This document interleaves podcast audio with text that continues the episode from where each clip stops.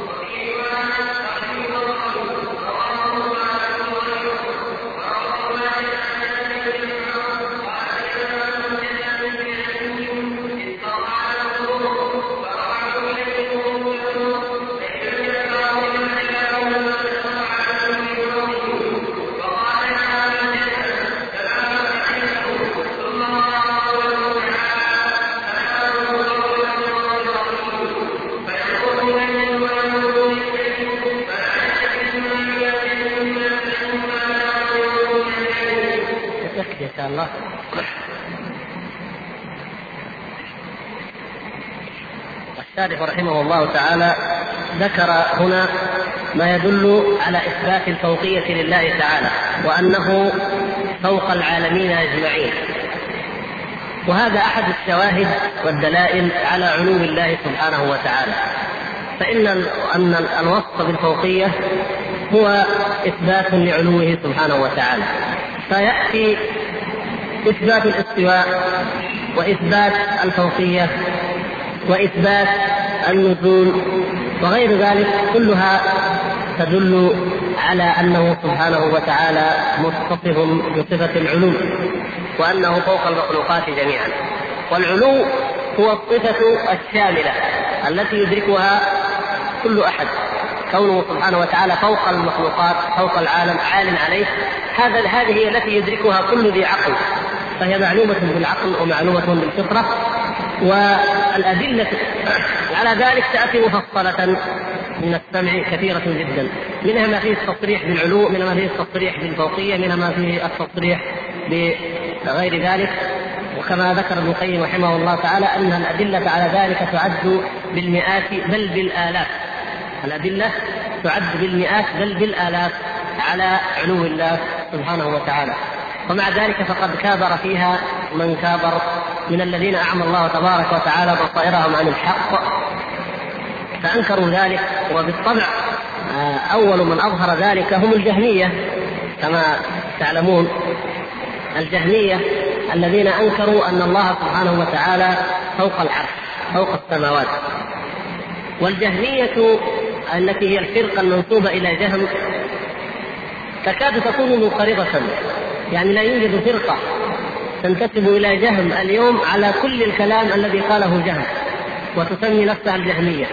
بل كثير من الفرق تتبرأ من جهم أو كلها. لكن في حقيقة الأمر إذا تأملنا كلام جهم لوجدنا أن من الفرق التي تدعي منابذته وعداوته والبراءة منه ما هي متفقة معه في أصول كلامه مع تعديل وتحوير أو في نفس مضمون كلامه. ولذلك فلا غرابة أن نجد شيخ الإسلام ابن تيمية رحمه الله تعالى مثلا يؤلف كتاب بيان تلبيس الجهمية. لا غرابة أن نجده يذكر الرد على الجهمية في أكثر رسائله المعروفة منها ما في الفتاوى وما هو في خارج الفتاوى في الرد على الجهمية وكذلك ابن القيم رحمه الله. وغيره من العلماء كالإمام الذهبي في العلوم وغيرهم يذكرون الجهمية فمن يعنون ومن يقصدون؟ في الحقيقة أن الفرقة التي أخذت عن الجهمية أصولها ومبادئها وإن كانت حورت وعدلت وغيرت واستنبطت أدلة جديدة وظنت أن هذا هو منهج الحق وأنه مذهب أهل السنة والجماعة وأن الأدلة العقلية والنقلية تؤيده هي الفرقة الأشعرية. الكتاب هذا الذي أشرنا إليه كتاب شيخ الإسلام بيان تلبيس الجهمية الذي له اسم آخر هو نقض التأسيس هو في الرد على من؟ نعم أيوه على الاشاعره يعني بالضبط رد على من؟ على من من الأشاعرة؟ من هو الذي ألف كتاب تأسيس التقديس الذي رد عليه شيخ الإسلام في بيان التلبيس أو بنقد التأسيس من هو؟ لا. لا.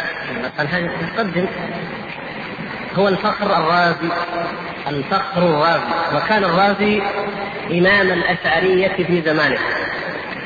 وهو إمام كبير عندهم متبحر. وله مؤلفات في الأصول في التفسير في علم الكلام في الفلسفة. له كثير جدا من المؤلفات. مؤلفاته كثيرة.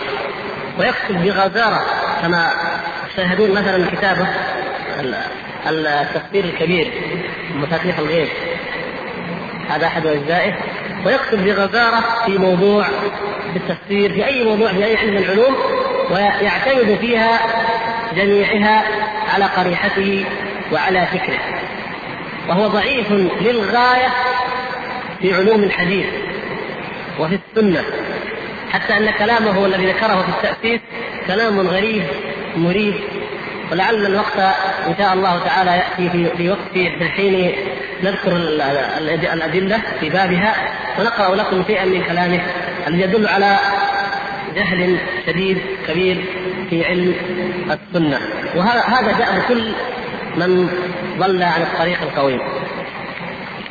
الفقر الرازي كمثال ذكرناه؟ ورث هذا عن الجهميه وأورثه للأشعرية من بعده ومن قبله كانوا يقولون بذلك أيضا. كما في رسالة الجويني الجويني الأب أبو محمد الجويني رحمه الله الذي رجع عن هذا القول وكتب الرسالة الثمينة القيمة الصغيرة التي طبعت بعنوان النصيحة في صفات الله عز وجل. رأيتموها إن شاء الله. نعم النصيحة في صفات الله. يعني ذكر أن هذا مما تعلمه مما علمه إياه مشايخه إنكار العلو لله سبحانه وتعالى وكيف أنه فكر حتى عرف الحق واهتدى إليه وأن هذا من الباطل الذي علمه. المقصود أن آه، الرازي كان مرحلة كان ظهوره مرحلة جديدة من مراحل المذهب الأشعري انصرف بعدها المذهب إلى التجريدات الفلسفية العميقة بعد أن كان قبل ذلك كما نجد مثلا في كلام آه، أبي المعالي الجويني الإبن نجد شيئا من الوضوح نجد شيئا من الدلائل العقلية مع شيء من الدلائل النقلية وما أشبه ذلك. لكن ابتداء من الرازي أوغل القوم في المسائل وفي الأمور الفلسفيه وكانت آه، المشكلة الكبرى في أحدثها كتاب التأسيس وما بعده أن آل الأمر بالأشعرية وبالماتريدية ومن تأثر بالإمام الفخر الرازي هذا آل الأمر بهم إلى أن يعتقدوا أو يبحثوا مسألة هل الذين يثبتون علو الله ويثبتون أن الله فوق المخلوقات هل هم كفار أو مسلمون؟ هل يعذرون بالجهل لأنهم أخذوا بظواهر الأدلة؟ فهم معذورون ولا يكفرون؟ أم غير معذورين. وهكذا يعني توصل الأمر بهم إلى شيء بعيد جدا عما يقر به الإنسان المؤمن. الذي يقرأ كتاب الله سبحانه وتعالى. بل قال بعضهم وصرح بأن أكثر العامة كفار. أكثر عامة المسلمين كفار. لماذا؟ لأنهم يثبتون علو الله. وأنه فوق مخلوقاته فيقول هذا من الجهة وهذا من إثبات المكان وهذا دليل على الجهل والجهل في العقيدة لا يجوز فكفر بذلك عامة المسلمين. نسأل الله العفو والعافية. وسأقرأ عليكم بعض ما ذكره الرازي في هذا وغيره لتعرفوا آه لتعرفوا أهمية الأدلة التي ذكرها الشارح هنا ووضوح منهج أهل السنة والجماعة وأنه يثبت أن الله تعالى فوق المخلوقات بأدلة صريحة واضحة لا لبس فيها ولا إشكال ولا غموض آيات من كتاب الله سبحانه وتعالى أحاديث من كلام النبي صلى الله عليه وسلم لا يحتاج معها إلى قول قائل آخر.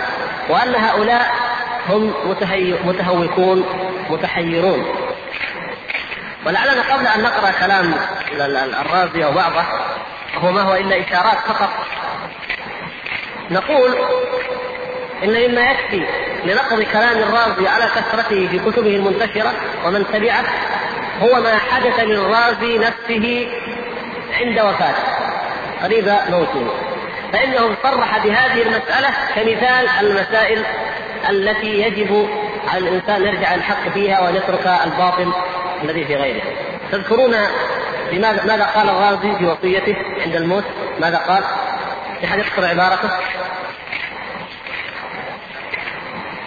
لا غير الابيات لقد تاملت أيوه لقد تأملت المناهج الفلسفية والطرق الكلامية فما وجدتها تشفي عليلا ولا تروي غليلا. ووجدت أن أفضل الطرق طريقة القرآن. أن أفضل الطرق طريقة القرآن. اقرأ أو أقرأ في الإثبات قوله تعالى الرحمن على العرش استوى وأقرأ في النفي قوله تعالى ليس كمثله شيء وهو السميع البصير. يعني كلام واضح واضح جدا وصريح لأنه في آخر الأمر لما كان على بساط الموت كما قال وكما ذكر عذره فدعا الله سبحانه وتعالى دعا الله بكلام معناه. اللهم يا ربي إني كتبت وخضت في هذه العلوم وسلكت المسالك الضيقة وبحثت ما لم يبحثه أحد وخضت في الذي نهي عنه. نهيت عن الخوض فيه. فإن كنت فعلت ذلك لإحقاق الحق أو للوصول إليه فاغفر لي.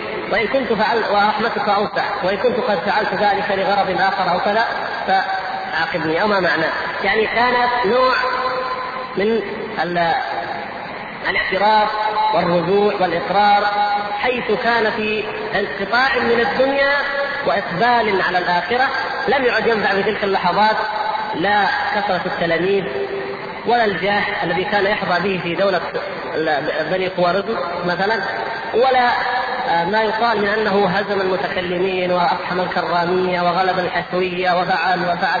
كل هذه الأمور يا إخوان تتلاشى عندما يكون الإنسان أمام الحق في في وجاء سكرة الموت بالحق. في تلك اللحظات ينسى الإنسان كل هذه البهارج ويبقى في نفسه الشيء الذي يرى أنه ينفعه في لقائه لربه عز وجل. فصرح بأن كل تلك الطرق والمناهج لا خير فيها ولا حق وإنما فيها الضلال وفيها الشر الوبيل وأن طريقة القرآن هي الحق. وذكر مثالا في الإثبات الرحمن على العرش استوى وهو ما نقضه نقضا طويلا هو في كلامه الذي آه، نقرأ عليكم شيئا منه قليلا لأنه كثير. آه، الكلام آه، في سورة الأعراف في قول الله تبارك وتعالى إن ربكم الله الذي خلق السماوات والأرض في ستة أيام ثم استوى على العرش. الآية. بهذه المناسبة أقول انظروا إلى تناول علماء السلف أو الماشيين على منهج السلف وغيرهم لهذه المسألة. تجدون كلام الرازي هنا بطوله وبعده عن الصواب. لو قرأتم كتابا من الكتب التي تتمشى مع عقيدة السلف الصالح في عند هذه الآية لوجدتم العجب من قوة الحجة والإقناع وقوة الأسلوب والإستدلال. وهو كتاب أضواء البيان. وأرجو أن ترجعوا إليه إن شاء الله. كتاب أضواء البيان. لمن؟ طيب الحمد لله. ترجعون إليه نفس الموضع نفس الآية لتجدوا الفرق بين ما يقوله هذا وبين ما يقوله هذا. إذا أردتم أن ترجعوا إلى تفسير الرازي فهو في هذه الطبعة الأخيرة البيروتية طبعة دار الفكر في صفحة 102 على العموم في أي طبعة كان التفسير ما في مشكلة لأنك ترجع إلى الآية. وهي الآية الرابعة والخمسون من سورة الأعراف. ارجع إلى الآية لتجد الكلام الطويل جدا في نفي علو الله سبحانه وتعالى.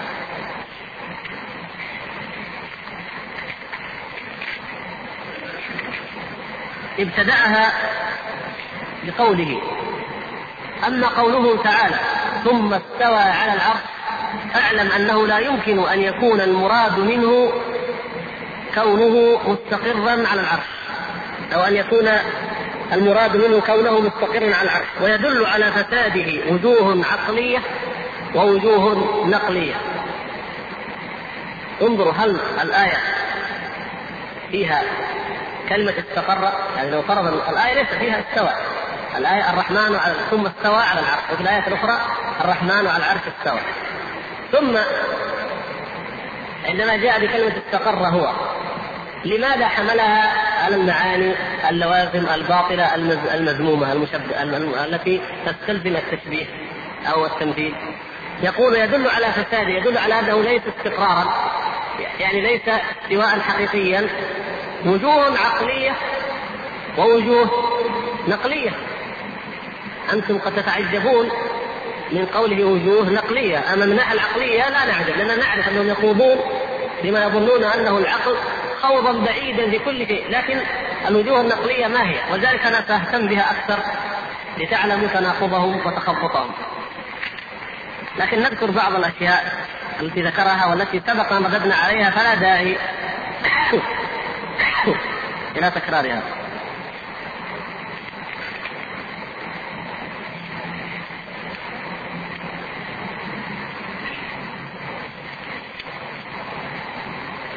مثلا لو ثبت كونه تعالى في حيز لكان إما أن يكون أعظم من العرش أو مساويا له أو أصغر منه. تعالى الله عما يقولون يعني انظر أول شيء حيز. هل قال الله تعالى حيز؟ هل قال النبي صلى الله عليه وسلم حيز؟ هل قال أهل السنة حيز؟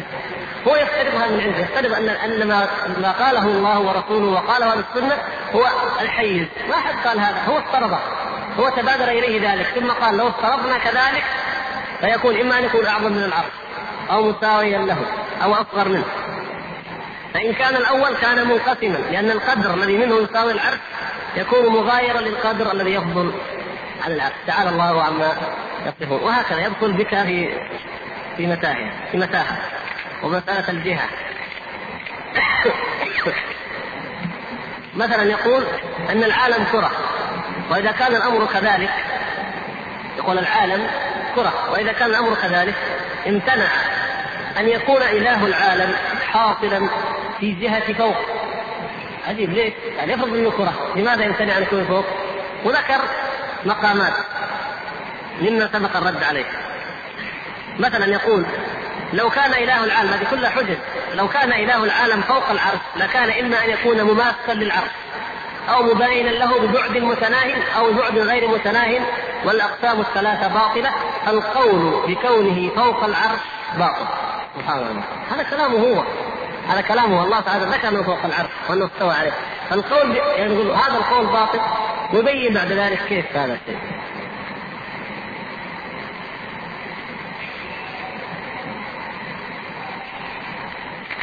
ذكر كلاما طويلا أنا ما أحب السطر في العقلية ما يسمى عقليات لكن انظروا إلى الدلائل السمعية التي ذكرها وبناء عليها واستنباطا منها جاء من بعدهم فوسعوها وبسطوها. الدلائل إيش؟ النقلية التي تدل كما زعم على أن الله تعالى ليس مستويا على عرشه وليس فوق المخلوقات، يقول: وأما الدلائل السمعية فكثيرة. أولها قوله تعالى: قل هو الله أحد. شيخ الإسلام تيمية رحمه الله يضرب بهذه القضية مثالا لتناقضهم ولبعدهم عن فهم كتاب الله وسنة رسوله صلى الله عليه وسلم. من يرد قوله تعالى ثم استوى على العرش بقوله قل هو الله أحد أو يرد قوله تعالى الرحمن على العرش استوى يبطلها بقوله تعالى قل هو الله أحد هذا لا يفقه في كتاب الله سبحانه وتعالى ولا سنه رسوله شيئا. وإنما تمثلات عقلية. لكن أنا أحببت أن أقرأ لكم من نفس الكلام. وأنتم تستطيعون أن تفهموا ذلك والحمد لله. يقول وصفه بكونه احدا. والأحد مبالغة في كونه واحدا. والذي يمتلئ منه العرش. ويفضل عن العرش. يكون مركبا من أجزاء كثيرة جدا فوق أجزاء العرش. وذلك ينافي كونه احدا. سبحان الله. هذا كلام يقوله عاقل أصغر من العرش أكبر من العرش أي شيء. وصفته انت بأنه أحد. يعني بأنه واحد مبالغة في الوحدانية. طيب أي شيء. وصفته بأنه واحد. فلا يعني ذلك أنه لا بد أن يكون من أجزاء وأن هذه الأجزاء تكون متناثرة أو مركبة. وإذا كان كذلك مثلا فرضا في المخلوقات يعني. هل يعني ذلك إبطال؟ أي صفة أخرى له؟ فيعني على هذا الكلام لا يكون لا يكون الإله الله سبحانه وتعالى لا يكون شيئا إذا أو يكون كما كما هو في مذهبهم يكون الجوهر الفرد الجزء الذي لا يتجزأ أبدا كما يقول تعالى الله عن ذلك. أن الأشياء تنتهي إلى جزء لا يتجزأ أبدا. يكون هو هذا الرب لكن إذا افترضنا أنه أكبر من ذلك وهو سبحانه وتعالى علي كبير وأكبر من كل شيء هذا يبطل كلامهم هذا. فانظروا كيف يقيسون الخالق عز وجل الذي ليس كمثله شيء على المخلوقات. وانظروا إلى هذا الاستدلال الذي لا يقره العقل. هذا الدليل الأول. الدليل الثاني أنه تعالى قال ويحمل عرش ربك فوقهم يومئذ ثمانية. فلو كان إله العالم في العرش لكان حامل العرش حاملا للإله. سبحان الله. من قال هذا؟ من الذي قال؟ الله تعالى قال يحمل رب ربك تعالى عن ذلك. قال يحمل عرش ربك فوقه يومئذ. ثمانية. فالعرش هو المحمول. أما الله تعالى فهو كما مرت معنا فترة وهو مستغن عن العرش وما دونه. وقد شرحنا ذلك ومعلوم لديكم الحمد لله. الله تعالى هو الذي بقدرته يمسك السماوات والأرض أن تزولا هو الذي تقوم المخلوقات وتثبت بحكمته وصنعته المتقنة سبحانه وتعالى. وليس هو الذي محتاج إليها. فمن يرد قوله تعالى الرحمن على العرش استوى أو ثم استوى على العرش. من يردها بقوله ويحمل عرش ربك فوقه يومئذ ثمانية فلا شك أنه يضرب كلام الله بعضه ببعض بلا حجة ولا برهان من عقل سليم. ثم يأتي بدليل عجيب آخر ويقول وثالثها أنه تعالى قال والله الغني. يعني قوله تعالى والله الغني الغني وأنتم الفقراء. يقول حكم بكونه غنيا على الإطلاق وذلك يوجب كونه تعالى غنيا عن المكان والجهة. طيب من الذي أثبت له مكانا وجهه؟ نحن قلنا أنه استوى قلنا أنه في مكان والجهة تعلمون التفصيل فيها ما المقصود بها؟ فهو ينفي شيئا لم يقله من أراد من أثبت ذلك. دعنا ممن قال هل في الآية مكان أو جهة ما فيها ثم استوى على العرش من أين جئت بالمكان والجهة؟ هذا فهمك أنت القاصر الخاطئ للآية فيقول والله تعالى غني غني عن المكان والجهة. طيب كونه تعالى غنيا يجعلنا نبطل ونرد. كونه استوى على العرش وكونه عاليا على المخلوقات وأنه العلي الكبير العلي العظيم فنضرب صفة بصفة وكلاما له تعالى بكلام ودليلا بدليل. هذا هو التناقض والهوى ورابعها انظروا كيف. ورابع الأدلة النقلية يعني أن فرعون لما طلب حقيقة الإله تعالى من موسى عليه السلام ولم يرد ولم لم يزد كتب موسى عليه السلام على ذكر صفة الخلاقية ثلاث مرات. فإنه لما قال وما رب العالمين؟ ففي المرة الأولى قال رب السماوات والأرض وما بينهما إن كنتم موقنين. وفي الثانية قال ربكم ورب آبائكم الأولين. وفي الثالثة في المرة الثالثة قال رب المشرق والمغرب وما بينهما إن كنتم تعقلون. وكل ذلك إشارة إلى الخلاقية. يعني أنه موسى عليه السلام لما سأله فرعون وما رب العالمين؟ كأنه حاد عن الجواب. سبحان الله. يعني كأن القوم يصححون حجة فرعون على موسى عليه السلام. قال وما رب العالمين. لماذا؟ يقولون إنما يسأل بها عن الماهية. أن فرعون يسأل موسى ما ماهيته؟ ما هو؟ ما هو؟ ما ماهيته؟ ماهية الشيء هي حقيقته التي يختص بها عن غيره. يقولون إن فرعون قال ذلك فموسى عدل عن الجواب عليه السلام عجزا أو مواربة لم يجبه عن ما هو رب العالمين. وإنما قال رب السماوات والأرض وبينهما إن كنتم موقنين. كلام غير صحيح لأن الله سبحانه وتعالى وكلام الله واضح فيما عرض من كلامهما يقول فرعون وما رب العالمين؟ على سبيل ماذا؟ على سبيل الإنكار. ما علمت لكم من إله غيري؟ فرعون يقول وما رب العالمين؟ ما في شيء يعني ما في شيء ما في إله أصلا. ما علمت لكم من إله غيري ما رب العالمين؟ ولم يكن على سبيل الاستفهام عن الماهية كما يفهمون. الخطأ أنهم لم يفهموا كلام الله ولم يفهموا لغة العرب. كون ما يسأل بها عن الماهية هذا اصطلاح وضعه المناطق في القرن الثالث والرابع من بعد.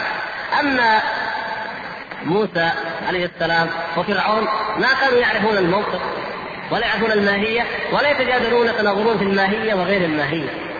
والكل كل العالم متفقون على أن الله سبحانه وتعالى لا تعلم ذاته وإنما تعلم صفاته. حتى هؤلاء المنكرين الجاحدين من الجهمية والفلاسفة يلزمون أن أن ذات الله تعالى لا تعلم. فإذا ليس ليس المحل محل سؤال وإجابة عنها فإذا قال موسى ربكم ورب آبائكم الأولين هذا تعريف لله تعالى بصفته. رب المشرق والمغرب وما بينهما. تعريف لله سبحانه وتعالى. فهو يرده يرده إلى أنه كيف تنكره كيف تستبعده كيف تجحده وهو الذي خلقك أنت الواقف امامك وخلق أولئك المخاطبين الذين معك ربكم ورب آبائكم الأولين يا ناس من أين جئتم؟ أليس أم خلقوا من غير شيء؟ أم هم الخالقون؟ أم خلقوا السماوات والأرض؟ لا يمكن فاذا الذي خلقكم هو ذلك هو الذي أنا أدعو إليه فكان كلام فرعون للنفي أو للإنكار وما رب العالمين. يعني ليس موجودا لا شيء. وكان جواب موسى عليه السلام للإلزام والإقرار والإفحام. فهو لا شك أن الله سبحانه وتعالى أعطى الرسل جميعا من قوة الحجة والإلزام ما يفهمون ويلزمون به كل من ناظرهم. كما ناظر إبراهيم الخليل عليه السلام ذلك الملك. فبهت الذي كفر. غلب وأفحم وقطع حجته وكذلك محمد صلى الله عليه وسلم. وكذلك آه، صالح شعيب هود كل الرسل أعطاهم الله تبارك وتعالى قوة الحجة والبرهان. فلا يغلبون أبدا. وموسى عليه السلام سأل الله ذلك أول ما أوحى الله تبارك وتعالى إليه فإنه دعا ربه أن يشرح له صدره ويسر أمره ويحلل واحلل عقدة من لساني يفقه قولي لتكون كلمتي قوية وحجتي ساطعة علي وكان ذلك بلا ريب. ولهذا لجأ فرعون إلى الاستعانة في السحرة وقال لعل في ذلك مخرجا. لأنه رأى آيات بينات أمامه فما يملك إلا أن يقول سحر. كما قيل لمحمد صلى الله عليه وسلم بل هم قوم طاغون كلام واحد جواب واحد سحر إن جاء بما يألفون بحجج مغلوبة قالوا أعطنا آية نراها بأعيننا فإن جاء بما يرون بأعينهم وتعجز عنها آه، إذا عجزت عقولهم عن المناظرة وطلبوا ما يرونه بأعينهم قالوا هذا سحر. فإذا كيف تؤمنون؟ القضية ليست نقصا في الحجج ولكن الهوى والمكابرة. المقصود يعني حتى تستعجب ويقول آه قال وأما فرعون لعنه الله فإنه قال يا هامان ابن لي صرحا لعلي أبلغ الأسباب أسباب السماوات فأطلع إلى إله موسى فطلب الإله في السماء. يقول إن فرعون هو اللي طلب الإله فين؟ في السماء. قال فعلمنا أن وصف الإله بالخلاقية يعني بكونه الخالق. وعدم وصفه بالمكان والجهة دين موسى أو انه أنه دين موسى. وسائر جميع الأنبياء.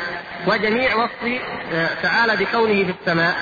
يعني وأن وصفه تعالى بكونه في السماء دين فرعون وإخوانه من الكفر. سبحان الله لاحظتم كيف؟ انظر هؤلاء ائمه كبار أجلة مؤلفات في علوم كثيرة لكن انظر هذه العقول إذا لم تهتدي بنور الله وتقتدي بنور الوحي. يقول اذا يتبين لنا من هذه المناظرة أن وصف الله تعالى بكونه الخالق فقط دون إثبات العلو والاستواء هذا دين الرسل. ما هذا الاستدلال. وأن إثبات أنه تعالى فوق العالم عالي على المخلوقات هذا دين فرعون ودين الكفرة. إيش الدليل؟ قال لأن فرعون قال انني طرحا لعلي أبلغ الأسباب فاطلع إله موسى. اذا يعني ما دام هو فرعون أراد أن يبني الصرح فيطلع إلى ما فوق السماء اذا يعتقد فرعون أن دين موسى أن العقيدة الصحيحة التي يعتقدها فرعون هو هو إيش؟ في نظر فرعون طبعا أن الله في السماء فمن يعتقد ذلك فهو على دين الكفرة دين فرعون واخوانه الكفرة مع أن فرعون قال بعد ذلك إيش؟ وإني لأظنه كاذب اذا إذا فرعون إذا موسى قال له إن الله فين؟ في السماء. لكن قال يا هامان ابن لي صرحا. لكن أقول لك لا تستوي ترى هو كذاب مو ما في شيء. إذا هو قال إيش؟ قال إيش؟ قال إنه في السماء. لكن فرعون هو الذي ينكر العلو. يعني لو لو لاحظتم هذا الشيء في الحقيقة. فرعون ينكر العلو يعني بلسانه طبعا ولا في حلقته يؤمن بالله. وجحدوا بها. واستيقنتها انفسهم لكن باللسان من الذي ينكر العلو؟ بظاهر المقال. موسى عليه السلام أخبره أن الله سبحانه وتعالى هو رب ربكم ورب آبائكم الأولين. فمفهوم معلوم من هذا قد يكون صرح له بالعلو ولم أو لم يصرح. ليس هذا القضية لأن كل من يدعو إلى الله فهو يدعو إلى الذي تعلمه الفطر والقلوب والعقول السليمة وهو الذي فوق العالم. هذا هو الله سبحانه وتعالى. غير ذلك لا يسمى الله أصلا. فإذا أراد فرعون أن يرد عليه وأن يبطله قال يعني حتى نتأكد حتى نثبت للجماهير المغفلة هذه اللي ما تفهم اللي يمكن تنخدع بموسى لأنه فرعون ما أريكم إلا ما أرى وما أهديكم إلا سبيل الرشاد. فرعون يعني يريد يريد الإصلاح في نظره يريد أن يهدي الأمة يريد أن يبين لها الحق. ذروني اقتل موسى وليدعو ربه. ليش يا فرعون؟ اني أخاف أن يبدل دينكم أو أن يظهر في الأرض الفساد. وإحنا ناس مهمتنا مصلحة الشعب مصلحة الأمة. ما نبغى واحد زي موسى يعني يرجف. طيب هذه هذه الأفكار الفرعونية. بناء عليها قال إيش؟ قال يا هامان اجمع المغفلين اللي بنوا الأهرام. خليهم يبنوا صرح ثاني. لماذا؟ لأطلع إلى إله موسى. نبني صرح. فنصل إلى السماء فإذا وصلنا إلى السماء نطالع ونشوف هل نرى الله الذي يخبر موسى أنه فوق أو ما نراه. بعدين قال وإني لأظنه كاذبا. ولا هو كاذب لا يحتاج نبني كاذب. وهذه وسيلة نفسية يستخدمها الطواغيت والظلمة والمعاندون لأنه القضية عند الشعب قضيه عند الناس أن موسى عليه السلام جاء ببراهين ساطعه واضحة لا تقبل الجدل. ابدا. لأنه قال اعبدوا الله ما لكم من إله غيره. قضيه فرعون لم تكن منازعه لله تبارك وتعالى في بعض صفات الألوهية أو بعض خصائص الربوبية حتى يأخذ الكلام شيئا من ربما ربما يحتمل. لا مشكلة فرعون وهو أكبر طاغوت تحدث الله تبارك وتعالى عنه في كتابه. أنه ادعى الألوهية. ما علمت لكم من إله غيري. وادعى أنا ربكم الأعلى. فحشر فنادى. جمع الناس جميعا. وقال أنا ربكم الأعلى. ما ما في يعني هذا مثل هذا الإنسان. ما في مجال للأخذ والعطاء معه. يدعي أنه هو الرب الأعلى. ولذلك لا بد أن كل ما كان الباطل منتفشا أكثر تكون الهزيمة ساحقة أكثر. فرعون العقيم العقيم الذي لم ينزل عنه في كتابه أنه ادعى الألوهية. ما علمت لكم من إله غيري. وادعى أنا ربكم الأعلى. فحشر فنادى جمع الناس جميعا. وقال أنا ربكم الأعلى. ما ما في يعني هذا مثل هذا الإنسان. ما في مجال للأخذ والعطاء معه. يدعي أنه هو الرب الأعلى. ولذلك لا بد أن كل ما كان الباطل منتفشا أكثر تكون الهزيمة ساحقة أكثر. فرعون العقيم العقيم الذي لم ينجب وأهل مصر يعلمون أن هذا الذي الآن يضاده ويعانده ويحاججه موسى عليه السلام أنه كتب الله له النجاة. وهو من بني إسرائيل لكن كتب له الله النجاة لماذا؟ بهذا الدافع بهذا الفقر الذاتي الموجود في فرعون. بهذا العجز والضعف. أتي من قبل المرأة من قبل الزوجة التي لا تنجب يا يا رب الناس الأعلى كما تزعم خلقتهم أنت. أين ابنك؟ خلقت لك ابن؟ لك ابن من نفسك؟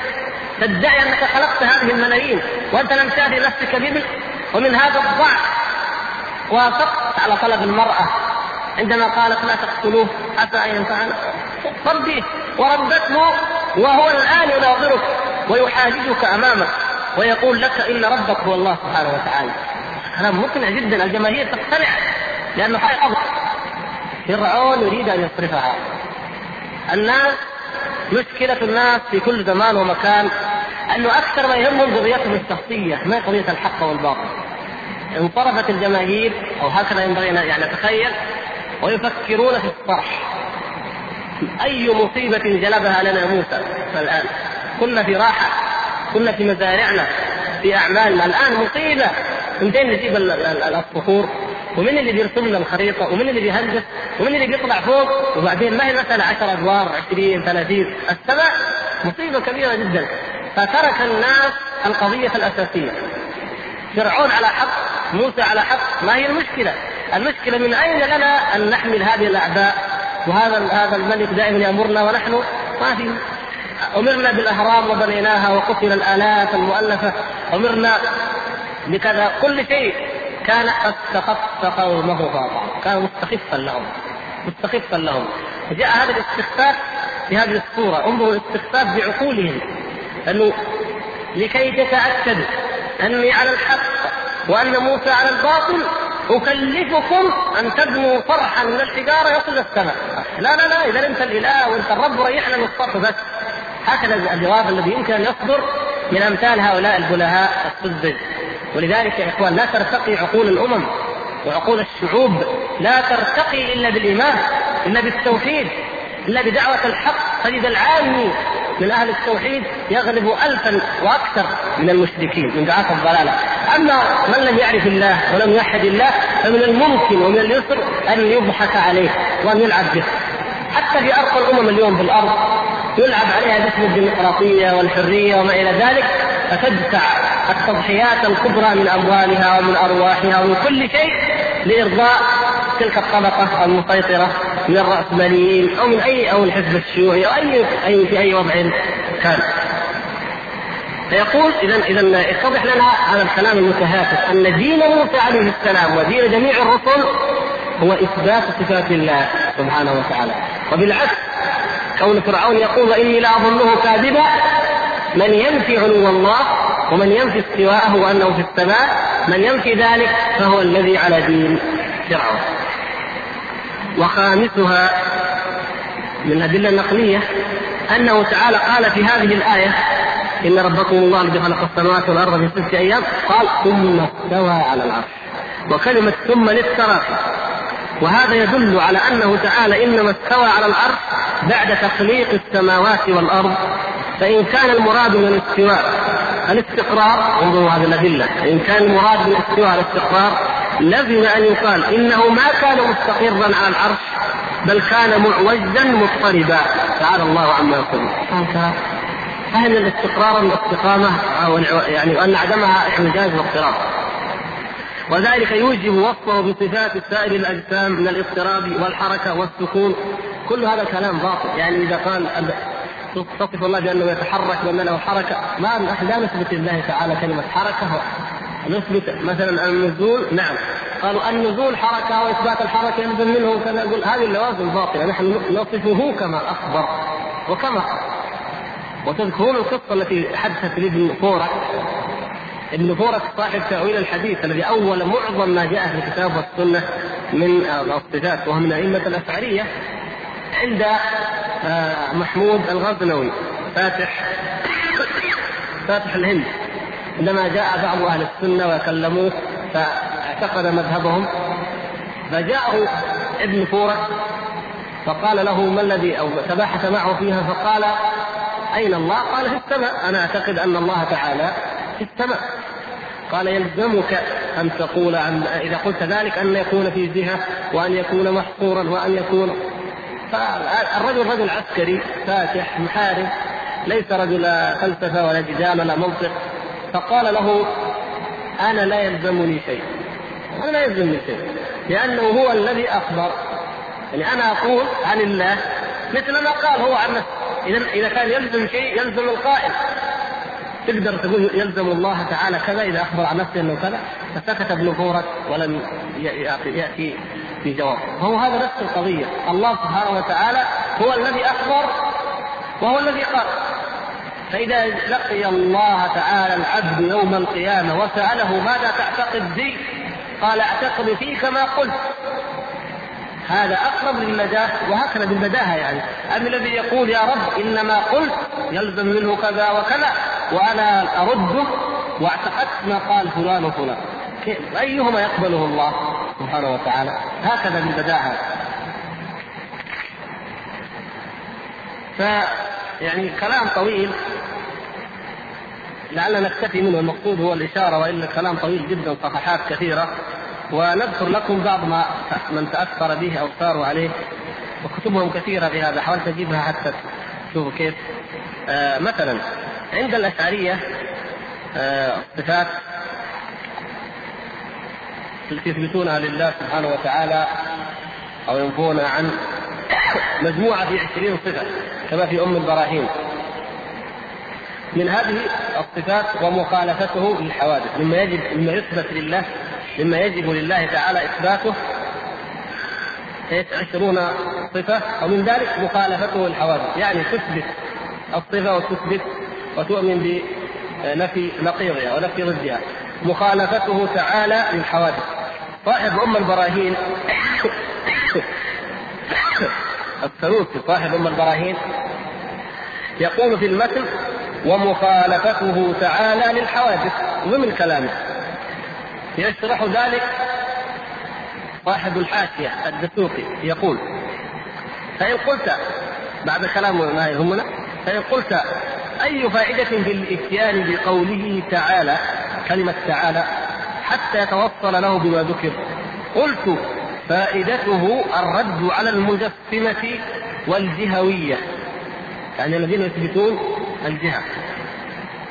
إن قلت لما أتى به أي بقوله تعالى في هذه الصفة والتي بعدها دون بقية الصفات يعني لم يقل كلمة تعالى إلا في مخالفته للحوادث لماذا؟ فيقول قلت إنما أتى به مع هاتين الصفتين دون بقية الصفات لأنه لم يصرح أحد من العقلاء باتصافه تعالى بنقائض تلك الصفات ما عدا نقيض المخالفة فإن المجسمة صر المجسمة صرحوا بأنه جسم والجهوية صرحوا بالجهة وقالوا إنه تعالى في جهة العلو نكمل شوية معلش ونقيض القيام بالنفس فإن النصارى صرحوا به وقالوا إنه تعالى قائم بذات عيسى. على ما سيأتي بيانه. فإن قلت لو كان السر ما ذكر لأتى بذلك ما ذكر أو ما ذكر لأتى بذلك أي بقوله تعالى مع الوحدانية ردا على الثانوية الذين الثانوية الذين صرحوا بالتعدد في الإله. يقول لماذا قال صاحب المثل السنوسي ومخالفته تعالى للحوادث وقيامه تعالى بنفسه كلمة تعالى لماذا ذكرها هنا؟ في هاتين الصفتين ولم يذكرها في غيرها. قال لا ما تدري. المثل مختصر وموجز وبليغ لكن جابها لأن في مصائب كبيرة يرد يرد يرد, يرد بها على ناس أتوا بشيء غريب لا يمكن ان يصدق تصدقه العقول. ما هي؟ قال له هي صفتين. مخالفته الحوادث وقيامه بنفسه. قيامه بنفسه شد في النصارى النصارى خالفت جميع العقلاء فقالت إنه قائم بالمسيح حل في المسيح. طبعا الصوفية زادوا على النصارى ما لا حصر يعني النصارى في هاتين الصفتين ولم يذكرها في غيرها. قال لا ما تدري. المثل مختصر وموجز وبليغ لكن جابها لأن في مصائب كبيرة يرد يرد يرد, يرد بها على ناس أتوا بشيء غريب لا يمكن أن يصدق تصدقه العقول. ما هي؟ قال له هي صفتين مخالفته الحوادث وقيامه بنفسه. قيامه بنفسه. شد في النصارى. النصارى خالفت جميع العقلاء فقالت إنه قائم بالمسيح حل بالمسيح طبعا الصوفية زادوا على النصارى ما لا حصر يعني النصارى قالوا حل في في المسيح وهو رسول. لكن الصوفية عياذا بالله وما الكلب والخنزير إلا إلهنا والعياذ بالله وما الله إلا راهب في كنيسه عياذا بالله. قالوا ما لم تقله النصارى لكن الشاهد هنا يقول إيش؟ إنه لعظم لعظم هذه المصيبة لعظم هذه العقيدة الخبيثة عظم فسادها أفردها بقوله تعالى. فتعالى أن يحل أن تكون يكون قائما في غيره كما تقول النصارى. والقضية الأخرى مخالفته الحوادث قال فيها تعالى لأن في ناس في ناس يثبتوا أنه علو أنه في جهة العلو. في ناس يثبتون العلو هذه مصيبة كبيرة. فنتيجة لذلك أفردها. يعني جعلوا القول بالعلو مثل القول بماذا؟ بأنه الذين قالوا إن الله هو المسيح ابن مريم. تعالى الله عن ذلك من كبيرا. ثم فقالوا ولماذا لا يرد هذا على الثانوية؟ يعني هي أكثر أكثر الكفار ثلاثة. ثلاثة أكثر الكفار عندهم ثلاثة. الذين قالوا إن الله اثنين تعالى الله عن ذلك. الذين قالوا إن الله يحل في ذات كما قالت النصارى لعيسى والثالث عندهم الكفر الصريح عندهم الذي مثل هذه الاثنين الذي يقول إن الله تعالى في العلو الذي يثبت الذي يثبت لله العلو. فجعل هذه قرينة تلك. نسأل الله العفو والعافية. إلى أن يقول إنما أضاف المخالفة لله دون الحوادث إشارة إلى ارتفاع المولى واستعلائه عن غيره. طيب ما في يعني الشاهد حتى ما نطيل نكتفي بأنه جعل ذلك قرينا الكفر. قال في موضع آخر هذا الكلام في صفحة 112 طبعا طبعة قديمة طبعة الحلبي القديمة. في صفحة 129 يقول إنه يستحيل يستحيل أن يكون له تعالى جهة لاحظوا الكلام هل قال الله تعالى لي جهة؟ هل قال النبي صلى الله عليه وسلم لله جهة؟ هل قال أهل السنة لله جهة بهذا اللفظ؟ قلنا نثبت لله؟ العلو والفوقية كون قالوا يلزم من هذا الجهة ما قلنا أنتم ترون أن هذا يلزم نحن لا نقول يقول يستحيل أن يكون له تعالى جهة بأن يكون له يمين أو شمال أو فوق أو تحت أو خلف أو أمام. لأن الجهات الست من عوارض الجسم. هذه الاستدلالات العقلية. لأن الجهات الست من عوارض الأجسام. ففوق من عوارض عضو الرأس وتحت من عوارض عضو الرجل. ويمين وشمال من عوارض الجنب الأيمن والأيسر. وأمام وخلف من عوارض البطن والظهر. ومن استحال عليه أن يكون جرما استحال عليه أن يتصف بهذه الأعضاء ولوازمها. قال في شرح الوسطى وعندنا جرم ليس في جهة ولا له جهة وهو كرة العالم. يقول الأجرام ثلاثة. معلش تحملونا شوية. يقول الأجرام ثلاثة. جرم آه ليس في جهة ولا له جهة وهو كرة العالم. العالم كما يقولون كرة لا نقول له جهة ولا ليس في جهة ولا له جهة. والآخر جرم ليس له جهة وهو في جهة لغيره وهو الحيوان الذي لا يعقل. ما أدري ليش جابوا هذا الكلام. يعني يقول لك الحيوان ما له جهة. إذا قلت على يمين الفرس ذكر هنا قلت فإذا قلت على يمين الفرس فبالنظر للواقف في محله. يعني الحيوانات ما لها جهات لكن لما قلنا على يمين الفرس على شمال الثور يعني كما لو كان مكان مكان الثور ادمي واجب. أما الثور لا له يمين ولا له شمال. ما ليش؟ ما أدري. وبعدين آه والذي وجرم في جهة وله هو جهة وهو الإنسان. فقط. يقول فعلم من هذا أن الجهات خاصة بمن يعقل. اذا الجهات خاصة به بمن يعقل فقط الذي الذي لا يعقل ليس له جهة. طيب ماشي إيش المشكلة؟ وبعدين قال فإذا أضيفت الجهات لغير العاقل كان ذلك بالنظر للعاقل فإذا قيل يمين المحراب أو شماله فباعتبار المصلي فيه. وإذا قيل من الفرس إلى آخره قال إذا علمت هذا تعلم أن قوله هو جهة عطف على ما قبله. قال إلى أن يقول أو يتقيد بمكان بأن يحل فيه على الدوام. وكذا يستحيل عليه يستحيل على الله سبحانه وتعالى بناء على هذا الكلام العقلي المقنع في نظره. يستحيل عليه الحلول في المكان لا على الدوام بأن يكون فوق العرش أو في السماء. يستحيل أن الله تعالى يكون فوق العرش أو في السماء سبحان الله. هذا كلامه. هو يقول كذا يقول أنتم يستحيل تكذبون من؟ تردون كلام من؟ قال والمكان عند أهل السنة كما تقدم الفراغ الذي يحل فيه الجرم فهو موهوم آه بعض الإخوان سال سؤال هل أصحاب هذه الأقوال هم غلاة الأشعرية أم جميع الأشاعرة؟ كلمة والمكان عند أهل السنة تعطي شيء من الجواب. هم يرون أنفسهم أهل السنة وأهل الحق كلهم يرون ذلك ليس غلاتهم هم جميعا. المتقدمون منهم والمتأخرون لا يثبتون علو الله سبحانه وتعالى ولا يثبتون أنه تعالى فوق المخلوقات.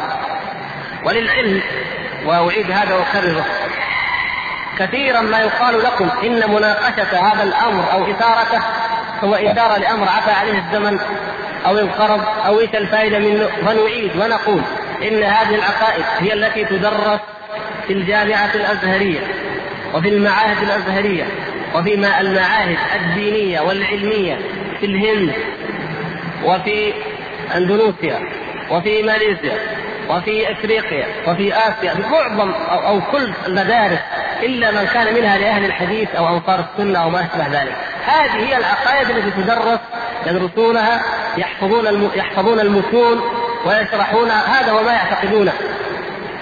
تماما وإن شككتم لذلك فاسألوا أي أخ قادم من تلك البلاد ماذا يدرس؟ إن كان يدرس النسبية إن كان يدرس الثلوثية زي ما هنا المهم أي أي واحد منهم يسألوه تجدون أنه يدرس هذه العقائد. الآن يدرسونها ويقررونها ويردون على من يخالفها ويكفرونه وانظروا إلى إلى قول المحشي في صفحة 128 الحاشية يقول قوله فإنه كفر قوله فإنه كفر. يقول بخلاف الجهل بما يجب لله وما يستحيل عليه فإنه كفر. قال علق يقول قوله فإنه كفر ومن عاشر العوام وعاين جهلهم لا يسعه إلا القول بكفرهم لجهلهم بالضروري. ما تقولوا كلام هذا قديم؟ يقولون إذا عاشرت العوام يعني إذا أنت إذا إذا هداك الله طبعا هذا ضلال لكن لو هداك الله وتعلمت العقيدة السنوسية هذه والنسبية وعرفت الحق ثم عاشرت العوام لما كان في وسعك إلا أن تحكم بكفرهم. أعوذ بالله. العوام. ليش؟ لأنهم يجهلون ما يجب لله وما يستعين بحق الله. فالعوام يثبتون أن الله في السماء، أي واحد تسال أين الله يقول في السماء، هذا دليل على أن هؤلاء العوام يجهلون ما لله، اذا هم كفار، فكل من يقول إن الله في السماء كافر. طيب وبعدين يقول في وضع آخر قال فيه قولان والمعتمد والمعتمد عدم تكفيرهم الذين يثبتون الجهة كما يقول الذين يثبتون العلو يقول في مذهبنا قولان يعني الأشاعرة في مذهبهم قولان القول الأول أن من يقول إن الله تعالى في السماء أو فوق العرش كما أخبر في كتابه كافر لأنه صرح بنقيض ما يستحيل على الله. والعقيدة عندهم هي ما يجب لله وما يستحيل عليه وما يجوز في حقه. من أثبت لله شيئا مما يستحيل عليه أو نفى عنه شيئا مما يجب له كافر. اذا هذا القول بأنهم كفار. القول الآخر أن الذين يقولون ذلك ليسوا كفارا. وهو الذي اعتمده الحاشيه صاحب الحاشية هنا وبعض الشراح قالوا لا ما نكفرهم. لكن هم عصاة ضلال. فلماذا لا تكفرون من يقول إن الله في السماء؟ قالوا لأن لديه شبهات. شبهات نقلية. يعني مثلا أأمنتم من في السماء؟ في القرآن. ما نقدر نكفر واحد جاب شيء في القرآن لكن ضال وعاصي سبحان الله. طيب وما دام في القرآن إذا صحيح؟ لا. يقول النبي صلى الله عليه وسلم في حديث الجارية سأل الجارية أين الله؟ قالت في السماء. إذا هذا يجعلنا نتوقف عن تكفير من يعمل بهذا الحديث. وأمثال ذلك. طيب سبحان الله. ما دام هو رسول الله صلى الله عليه وسلم وأعرف وأعلم الخلق بالله وقد قال للجارية أين الله؟ وأجابته في السماء. إذا هذه العقيدة الصحيحة التي تعتقد. قالوا لا هذا الحديث يصلح شبهة للقائلين بالعلو يمنعنا من تكفيرهم. لكن نحن نرده بردود كثيرة. ما هي؟ قالوا من هذه الردود أنه حديث أحد. رواه مسلم. حديث أحد. آه يعني قالوا ما دام يحتاج أن يكون متواترا طبعا لو تواتر لاولوه ما في ما في فكر إن كان أحاد ردوا إن كان متواتر اولوه لأنه في القرآن التصريح امنتم من في السماء اولوه الرحمن على العرش استوى اولوه إذا ما في إلا لا يؤمنون إلا بما رأوا هم. طيب هذا جواب الجواب الآخر. قالوا إن هذه هي عقيدة العرب في الجاهلية. هذه عقيدة العرب في الجاهلية. كانوا يعتقدون أن الله تعالى في السماء كما قال عنترة يا عبد أين من المنية مهربي؟ إن كان ربي في السماء قضاها. هذه عقيدة العرب في الجاهلية. فلما سأل النبي صلى الله عليه وسلم أجابت بعقيدة العرب في الجاهلية. طيب ما والنبي صلى الله عليه وسلم أقرها على عقيدة الجاهلية؟ هو بعثه الله سبحانه وتعالى ليقر الناس على عقائد الجاهلية؟ عندما قال اعتقها في رواية فإنها مؤمنة في رواية اعتقها. سواء قال فإنها مؤمنة أو لم يقل كلمة اعتقها دليل على إيمانها لأن الرقبة التي تجزئ هي الرقبة المؤمنة والسؤال كان عن إيمانها. لأن السائل معاوية بن الحكم رضي الله عنه السائل يسأل إن كانت تجزئ أعتقتها وإن لم تجزئ يبحث عن غيرها. فقال اعتقها اعتقها يعني مؤمنة. ورواية أخرى صريحة اعتقها فإنها مؤمنة خلاص. فهي يصفها النبي صلى الله عليه وسلم بأنها مؤمنة. بعد أن تجيب بجواب هو عقيدة العرب في الجاهلية؟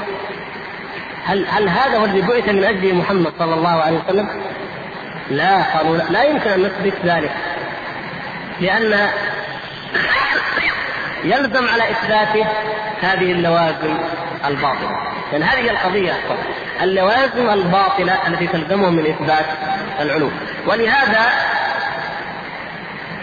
عشان الوقت ضيق نأخذ إلى خلاصة. ما خلاصة مذهبهم؟ ما خلاصة مذهب نفاة العلو يتلخص مذهب نفاة العلو غير أصحاب الحلول والاتحاد وما في رأيين في قولين.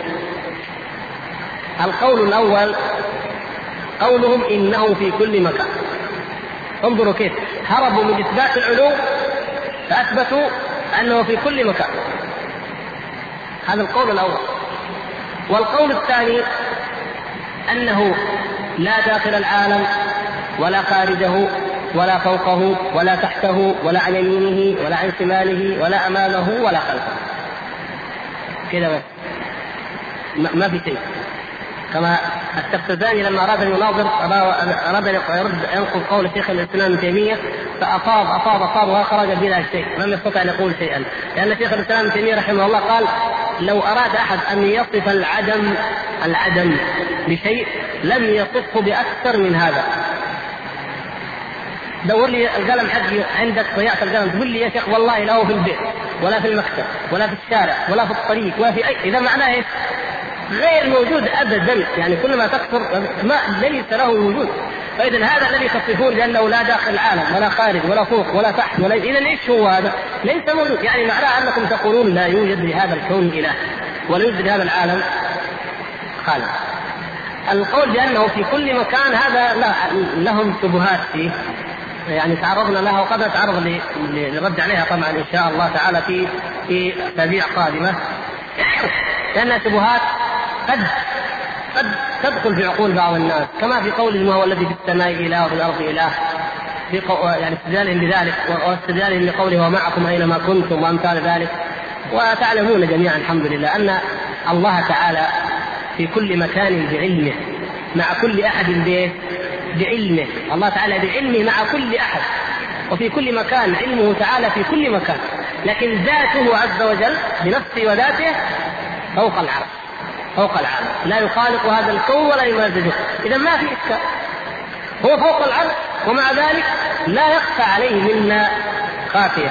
يعلم السر وأخفى سبحانه وتعالى. فهو يعلم كل شيء كما تقدم هذا ولكنه سبحانه وتعالى مع ذلك هو فوق هذه المخلوقات فهو ربها وخالقها وأكبر منها جميعا. وأعظم وما هي بالنسبة له سبحانه وتعالى إلا كما تقدم في المثال الماضي. فقوله وأما كونه فوق المخلوقات فقال تعالى وهو القاهر فوق عباده. هذه آية. الآية الأخرى يخافون ربهم من فوقهم. ثم ذكر يخافون ربهم من فوقهم. نفس الشيء بماذا أولها المؤولون؟ ماذا قالوا؟ يثبتون أن الله فوق العالم؟ قالوا فوقية المكانة. فوقية المكانة لا فوقية المكان. فوقية القهر والغلبة لا فوقية الذات. طب وما المانع؟ ما الذي يمنع؟ وهو القاهر فوق عباده. فوقيته بذاته هي التي أوضح في العقول وأقرب ويلزم منها أنه قاهر أنه مكانته أعلى أنه غالب. هذه من لوازم ذلك. لكن العكس تأتون ببعض لوازم الصفة وتؤولون الصفة وتفسرونها ببعض لوازمها وتفرون من حقيقتها التي وضعت لها والتي يفهمها منها كل عربي. هذا شيء غير معقول. فالعلو يقولون هذا مثل ما إذا قلت الملك فوق الوزير. إيش قصدك الملك فوق الوزير؟ يعني أعلى منه درجة. طيب ماشي. مثلا هل يعني ذلك هل يلزم من ذلك أن الملك ليس أيضا حقيقة فوق الوزير؟ يعني لو فرضنا في مجلس من المجالس وضعت كراسي المتصور يعني عادة أن يكون الكرسي الأعلى والأظهر والأوضح لمن؟ للملك يعني فكونك أنت تقصد فوق فوقية المكانة ما ينافي فوقية المكانه قصور مبنية اطول قصر وأفخم قصر تتوقع يكون لمين؟ مثلا للملك ولا للوزير؟ للملك كون الملك فوقه من حيث المكانة والمنزلة أيضا لا لا يلزم أنه أيضا يكون فوقه في المكان وفي الحقيقة هذا يكون وهذا يكون. لكن أنتم تقولون ننفي ننفي أنه فوق العالم حقيقة. لماذا؟ لأنه فوقهم مكانة. سبحان الله. لما كيف تعارضتا؟ ما تعارضت؟ نثبت هذا ونثبت هذا. ففوقية المكانة هذا أمر لازم من فوقيته سبحانه وتعالى بالعلو بالعلو على خلقه. فهذه يعني هذه أكثر أو الشبهة التي يجيبون بها أنهم يؤولون الآيات فيفسرون الفوقية بماذا؟ ببعض لوازمها وانما وهي في الحقيقة صفة ثابتة لله سبحانه وتعالى هو فوق العالم على الحقيقة ومن لوازم ذلك الغلبة أو القهر